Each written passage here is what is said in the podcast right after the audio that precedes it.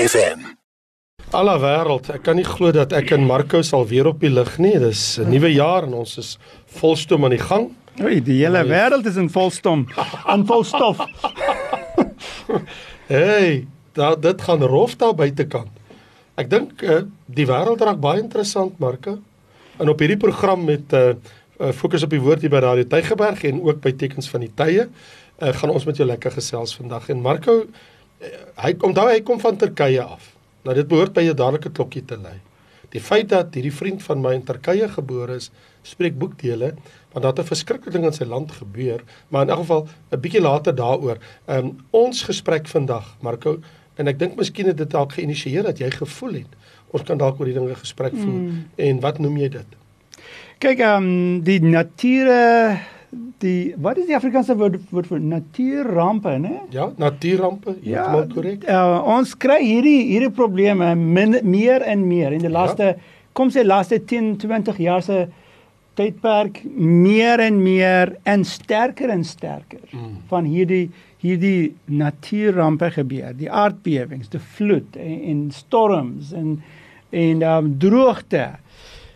En uh, die vraag is hierdie kon dit wees die Here God eintlik praat met die met die mensdom op die aarde deur die natuurrampe. Ja. Kon dit wees dat eintlik Natuurrampe is een van die tale wat die Here God gebruik om iets te sê. So as ons van die standpunt af uitgaan dat God die natuur geskape en die natuur is aan God onderworpe, wat so is, Psalm 19, dan beteken dit want die dis nogal interessant Marko dat Psalm 19 se opskrif sê uh, God praat met ons deur die natuur en skriftuur. Mm. God praat met ons deur die natuur en God het die Bybel wat hy vir ons gegee het. So die natuur is natuurlik die plek waar binne ek en jy leef op hemel en aarde. So die vraag natuurrampe toe toe jy vir my sê kom ons praat oor hierdie onderwerp. Wie wat is die heel eerste teks wat by my opgekom het in my gedagtes? Was hierdie een in Joël. Mm. In Joël hoofstuk 1, dit gaan so.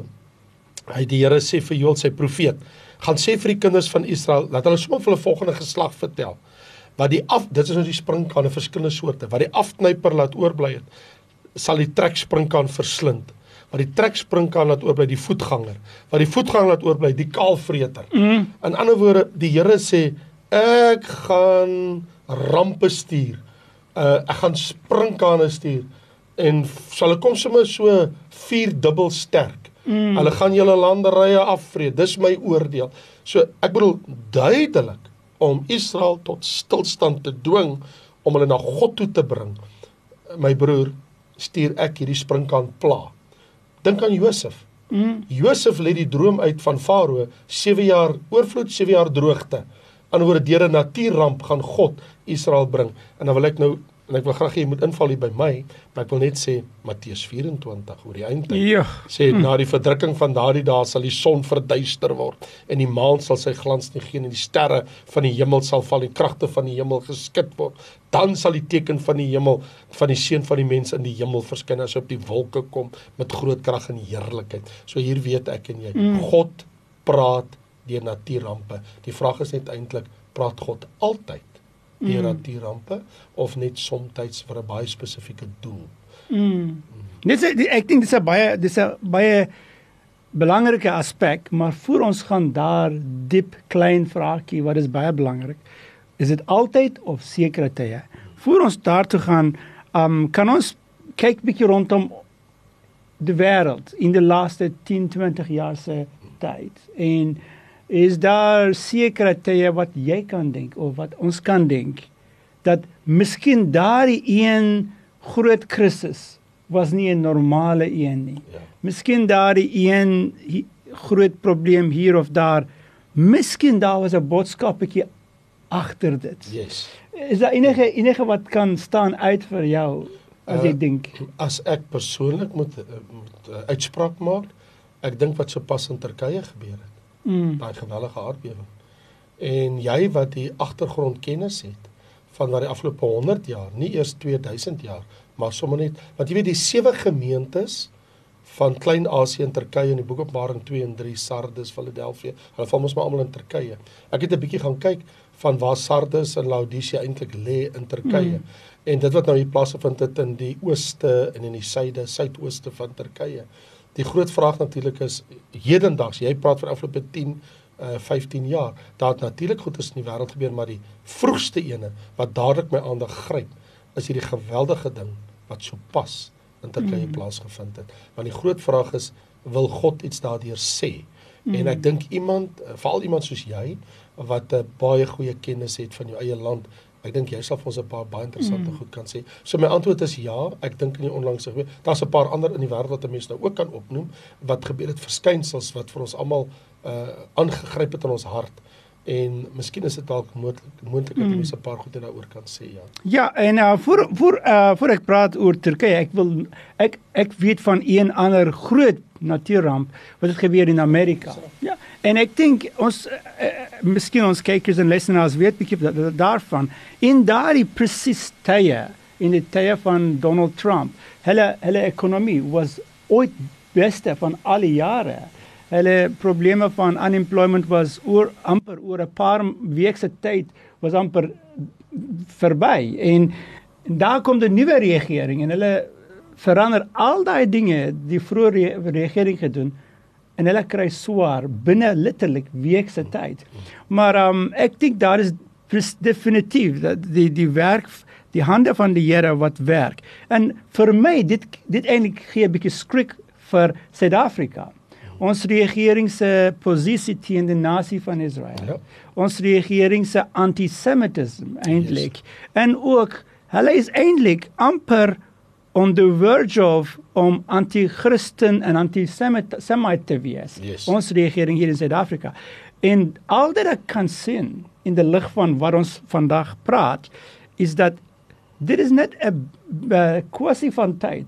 Die Here gaan hulle hart slaan eendag. Ja. In 'n dag kom nader en nader. Ja. Niemand niemand kan met Here God mors en en en, en sy kinders sleg doen aan sy kinders en dink dan dit dink dat dit sal gaan goed met hulle. Dit sal nooit gebeur nie. Dit nooit gebeur het nie. En nou as ons kyk Turkye se storie Pastor Raymond, ek sal 'n uh, bietjie inligting gee vir ons luisteraars en kykers. Miskien hulle weet nie van dit nie dan dinge van ek dink dinge gaan begin om te maak sin en hulle verstaan. Die die as ek kyk eh, die die die kaart van die aardbewing wat het gebeur. Dan ek gaan kyk die kaart van wat die regering in Turkye gedoen het in die tyd van die laaste 100 jaar. Die proses van uh, Armenian genocide Die Armeniërs was die enigste Christen etniese groep wat daar gebly het.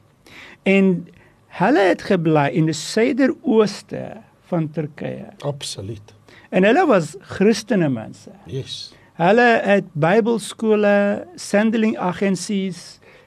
Hulle sekere van hulle was tradisionele Christene, maar sekere anders was eintlik born again passiefvol Christene ja. geweest. Maar begin die regering in die einde van 1800s met 'n nuwe policy. En hulle policy was om te maak die land skoon van al Christendom. Maar die probleem is amper halfte van die land was Christen gewees. En daar begin 'n nuwe amper 40 jare lang proses met die regerings uh, leierskap ja, om die initiatives land, om die land te reinig van Christen, om hulle uit te kry, ja. uit te moor. En die die die lang proses wat het gebeur is dat die moslim koorde wat het in Syrië, Irak en Iran gebly het, kom en maak dood Christen manne en vrouens in die suiderooste van Turkye wat ons ken vandag. Waar hierdie aardbewing vandag ja. gebeur het. En ons praat van miljoene en miljoene Christene wat het hulle doodgemaak in 'n tyd van amper 40 jaar. Miljoene en miljoene Christene moes vlug weg om hulle lewens te red. En in die einde al hierdie interessante goed is al hierdie moslim koorde wat was nie die mense wat daar gebly het maar hulle kom af van ver suid van Iran, Irak en Sirië. Hulle kom, maak die Christene dood en trek in hulle huise. Vat hulle land uit. Dit is verskriklik wat gebeur het. En enige persoon kan lees dit. Uh, doen 'n bietjie research daar. Jy kan kry dit op op op op internet. Alles is daar. Maar hierdie proses kom tot einde by 19 eintlik interessant 1923 en 1924. Die proses kom tot einde. Vandag is 2023. 100 jaar later. 100 jaar later. En in die proses, al die Christene volk wat was daar gebly het honderde jare is nou verby. Ja. Doodgeslaan, weggestoot. Hulle land is nou in die hande van koorde moslim mense. Dis hoekom vandag bly in daardie area wat julle kyk in die aardbewing area, dis amper eksklusief koorde wat bly daar. Mm. Maar wat vir my was skok geen realiteit. As ek kyk die kaart, ek ek het skok gekry. Dis amper die presies dieselfde kaart waar die Christen Holocaust ja gebeur het in dit is die presies dieselfde land. Mm. Presies dieselfde plekke. Mm.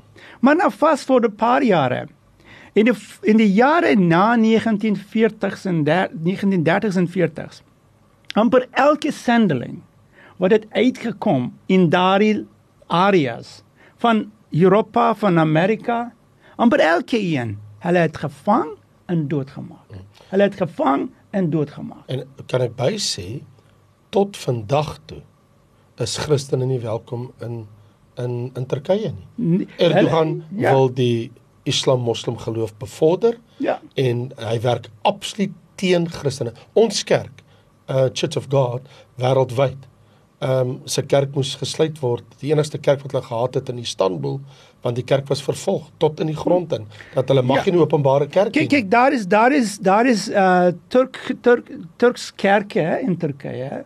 Uh, born again non-denominational Turkse kerke. Daar's ek dink 100 of 150 kerke. Maar hulle is amper altyd onderdruk van die, van die regering. Maar nou ek sal vir jou 'n paar spesifieke insidente sê. Ek dink dit was rondom die jaar 1993 of 95. Daar kom hierdie jong Amerikaner sendeling met sy jong vrou. Hulle het net getroud en sy swanger met 'n baba, eerste baba. En hy begin 'n sendeling werk daar in 'n stad van Adana. En binne 'n paar maande tyd, hulle vang hom en maak hom dood. Sy jong vrou met 'n baba in haar maag moet gaan terug Amerika toe. Jare later weer en weer, maar elke keer as sendelinge kom, hulle maak hulle dood. Hulle maak hulle lewens so vrek moeilik. Mm. Daar kom jare later 2001 ek het tot bekering kom daar en ons van ons kerk uit, ons stuur sendelinge van ons kerk uit tot ander stad, stad van Malatya. Malatya, stad van Malatya is ook die episenter van hierdie aardbewing. Mm.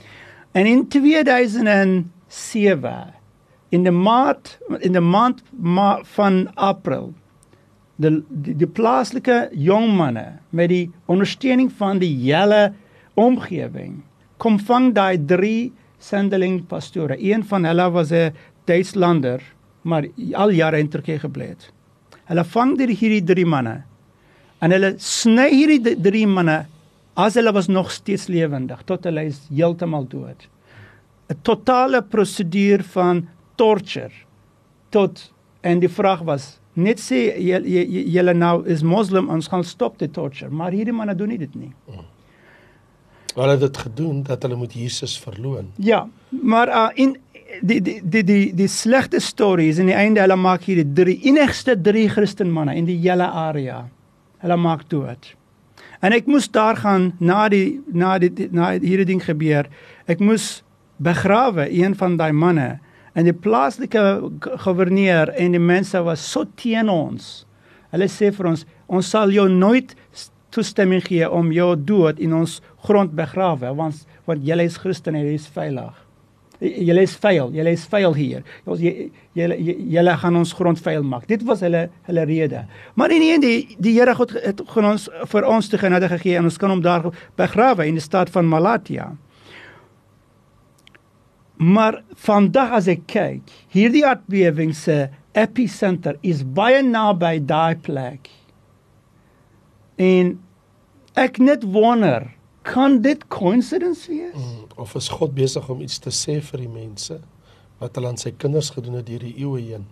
En terloops, uh, Marko het al hierdie verhaal vir my vertel en ek wil net sê een van daai manne met wie dit gebeur het, was een van die manne wat homself gedoop het, vir Marko gedoop het en hy moes toe en die Here moes hom baie genade gee om te kon toestemming kry by ambassade dat hulle wel daai persoon kon te rus te lê. Dit was 'n geweldige ding.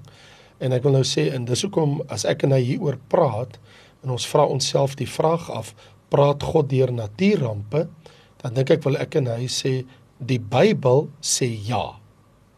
So die vraag is is wat nou pas in Turkye gebeur het ook God se stem wat hy vir daai regering iets wil sê en vir daai mense wat hulle aan sy kinders gedoen het iets wil sê. Uh op die einde van die dag uh, ons kan nie die finale uitspraak maak nie, maar ons kan die vraag vra. Wat ons wel weet is God is in beheer van alles. God is soewerein en ek dink dit sal wonderlik wees omdat ons tyd loop uit dat as ek en jy volgende week 'n gesprek kan voer met tot hoe mate is God in beheer? Mm. Ehm mm. um, uh, kan ons werklik sê want onthou Matteus 24 praat van aardbewings uh valse profete, oorloop, pes siektes in die laaste dae. So dis alles tekens van die laaste dae en van die eindtyd. So Jesus waarsku ons dat wanneer dit goed gebeur, hef julle hoofde op en kyk na bo. So sekere van die goed is net doodgewoon natuurrampe en dan sekere van die goed is God praat en wil iets sê in die saak wat ek en Marco vandag na jou toe bring is, julle sien op TV almal kry jammer, almal stuur hulle mense, hulle stuur spanne. Israel was van die, in baie so tussen hakies, mm. Israel was een van die eerstes wat gereageer het om te sê kom ons stuur spanne. Qatar het spanne gestuur oor die hele wêreld stuur mense spanne. Ek hoor terloops iemand het gesê al sou elke land in die wêreld spanne stuur, is dit nog steeds nie genoeg vir ons om vinnig by al die sterwendes uit te kom nie ons wil net die vraag vra. Ek en Mark op hierdie program ook by tekens van die tye wil ons vir jou vra dink jy dat God in hierdie tyd iets sê vir mense? Want God is in beheer van alles Ek weet ons is aan die einde van die program. Maar maar ek, kan ek 'n laaste woordjie sê? Ja nee natuurlik, ek oorhandig uh, maar saam met saam met saam met met dit, ek dink dis baie belangrik dat ons bring in julle herinnering die eerste en beste ondersteuning of help jy kan vir daardie mense aanbied is bid ja. dat hulle sal tot bekering met Here Jesus kom. Ja. Bid dat die Heilige Gees werk in hulle harte en hulle besef al hulle sondes en al hulle arrogans teen die God van die Bybel en kom en sê vergewe my God van die hemel en die aarde. Ek kom vir u. Asseblief maak my reinig en maak my u kind. Bid vir dit asseblief. Dit is absoluut so en ons kan dit nie ignoreer nie dat die mense miljoene het nou niks. As ek sê niks bedoel ek letterlik niks. Ek het gesien jy het ook gesien en baie van julle hoe sit hulle net op pynhope. Hulle het niks om na toe te gaan hulle besit niks. Alles is weg. Dis die tyd wanneer Jesus ook maar in mense se harte kan werk. En soos Marko tereg sê, kom ons bid dat die Here hierdie situasie gebruik om mense tot besinning te bring en dat hulle vra na Jesus. Mag die Here vir jou seën. Ek weet ons tyd is op, maar volgende week gaan ons regtig indringend bietjie praat oor en is God intussen nog steeds in beheer of het God beheer verloor oor hierdie sake? Let's talk about that. Baie dankie van my kant af tot 'n volgende keer. Totsiens. Potgoe op Radio Tygerberg. 104 FM